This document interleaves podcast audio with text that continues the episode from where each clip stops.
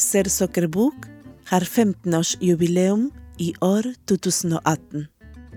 Foreningen ble grunnlagt i 2003 og har siden starten blitt et kompetansesenter for utvikling og formidling av tilrettelagt litteratur. I år har vi arrangert tre fagkonferanser i Drammen, Tromsø og Bergen. Deltakerne på konferansene har vært bibliotekarer, lærere, forfattere, illustratører, frivillige samt profesjonelle aktører fra offentlige og private organisasjoner og institusjoner. Vi jobber for demokratisering av kultur og litteratur. Vi vil at alle skal ha tilgang til gode bøker. Og det har vært en stor glede å oppleve at så mange der ute også har den samme drømmen som oss. Du skal nå få høre en smakebit fra den siste konferansen som var i Bergen. God fornøyelse. Hei, alle sammen. Velkommen til eh, Bergen bibliotek, og velkommen til Leserstykket Boks tredje jubileumskonferanse. Jeg heter Monica Helvig, og jeg er eh, veldig veldig fersk daglig leder av Lesersøket Bok. Eh, så fint å se at det både er eh, lokale her og tilreisende fra Oslo og andre steder. Det varmer eh, mitt hjerte.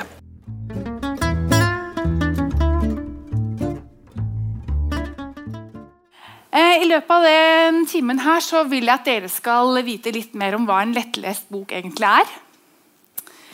Er det lettlest bare fordi det står på forsida at det er lettlest?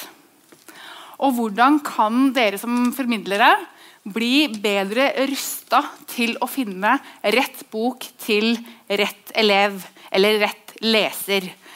Og hvem er egentlig leserne våre?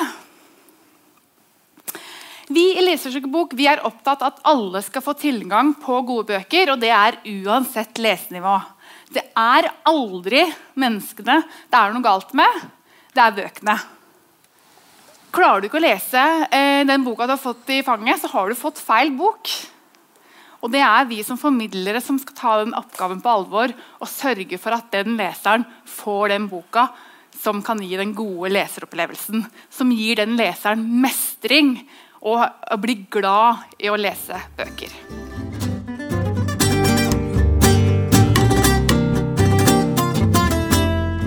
Ja, slik lærte jeg norsk. Jeg prøvde å koble hjernen med hjertet. Det vil si, jeg var ikke fornøyd med bare å gå på norskkurs. Jeg prøvde også å få en venn og besøke bibliotekene så mye som jeg kunne, hvor jeg satt og leste stort sett bildebøker og poesi, og jeg prøvde å høre på musikk på norsk. Jeg skal gå dypere i hver av disse punktene snart. Først skal jeg lese fra Åg.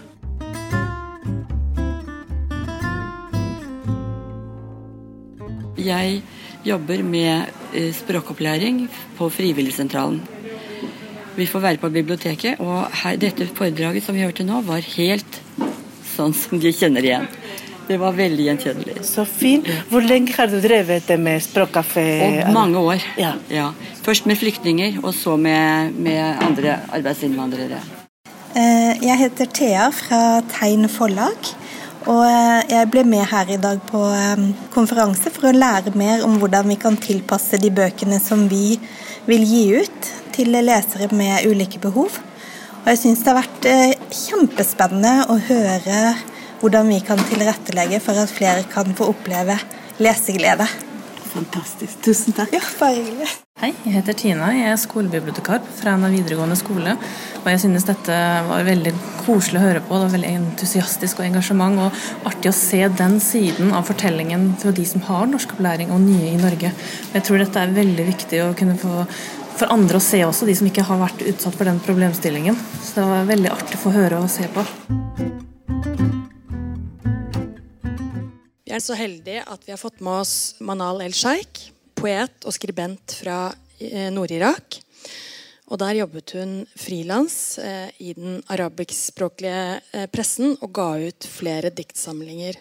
Hun har også publisert artikler i en rekke irakiske, arabiske og europeiske aviser og magasiner. Og poesien hennes er oversatt til engelsk, fransk, norsk, katalansk og italiensk. Og nå skal vi få høre henne lese noen av sine dikt på arabisk. Anders Totland leser i norsk gjendiktning. Velkommen. لا زهور تنمو فوق اسمي عندما أموت لا يهم أين سأدفن ففي العراق لا تنمو الزهور وهنا ما من عابر سبيل يمر مصادفة يضع وردة على اسم لم يعد يذكره لسانك Ingen blomster vokser på navnet mitt. Når jeg dør, bryr jeg meg ikke om hvor jeg begraves. I Irak vokser ingen blomster. Og her? Ingen som tilfeldigvis går forbi, vil legge en blomst på et navn du aldri nevner lenger. كريك حرب الرجال يقررون الحروب والنساء تعيش على أنقاضها سنصح يوما على كوكب من النساء واحدة لا تشتهي الأخرى إلا من أجل عطر خلفه رجل على عنق إحداهن Krig. Menn velger krig. Og kvinner overlever på ruinene. En dag våkner vi på en planet av kvinner. Ingen kvinne vil begjære en annen. Bare en duft av mann sitter igjen i nakken på en av dem. Takk for mig.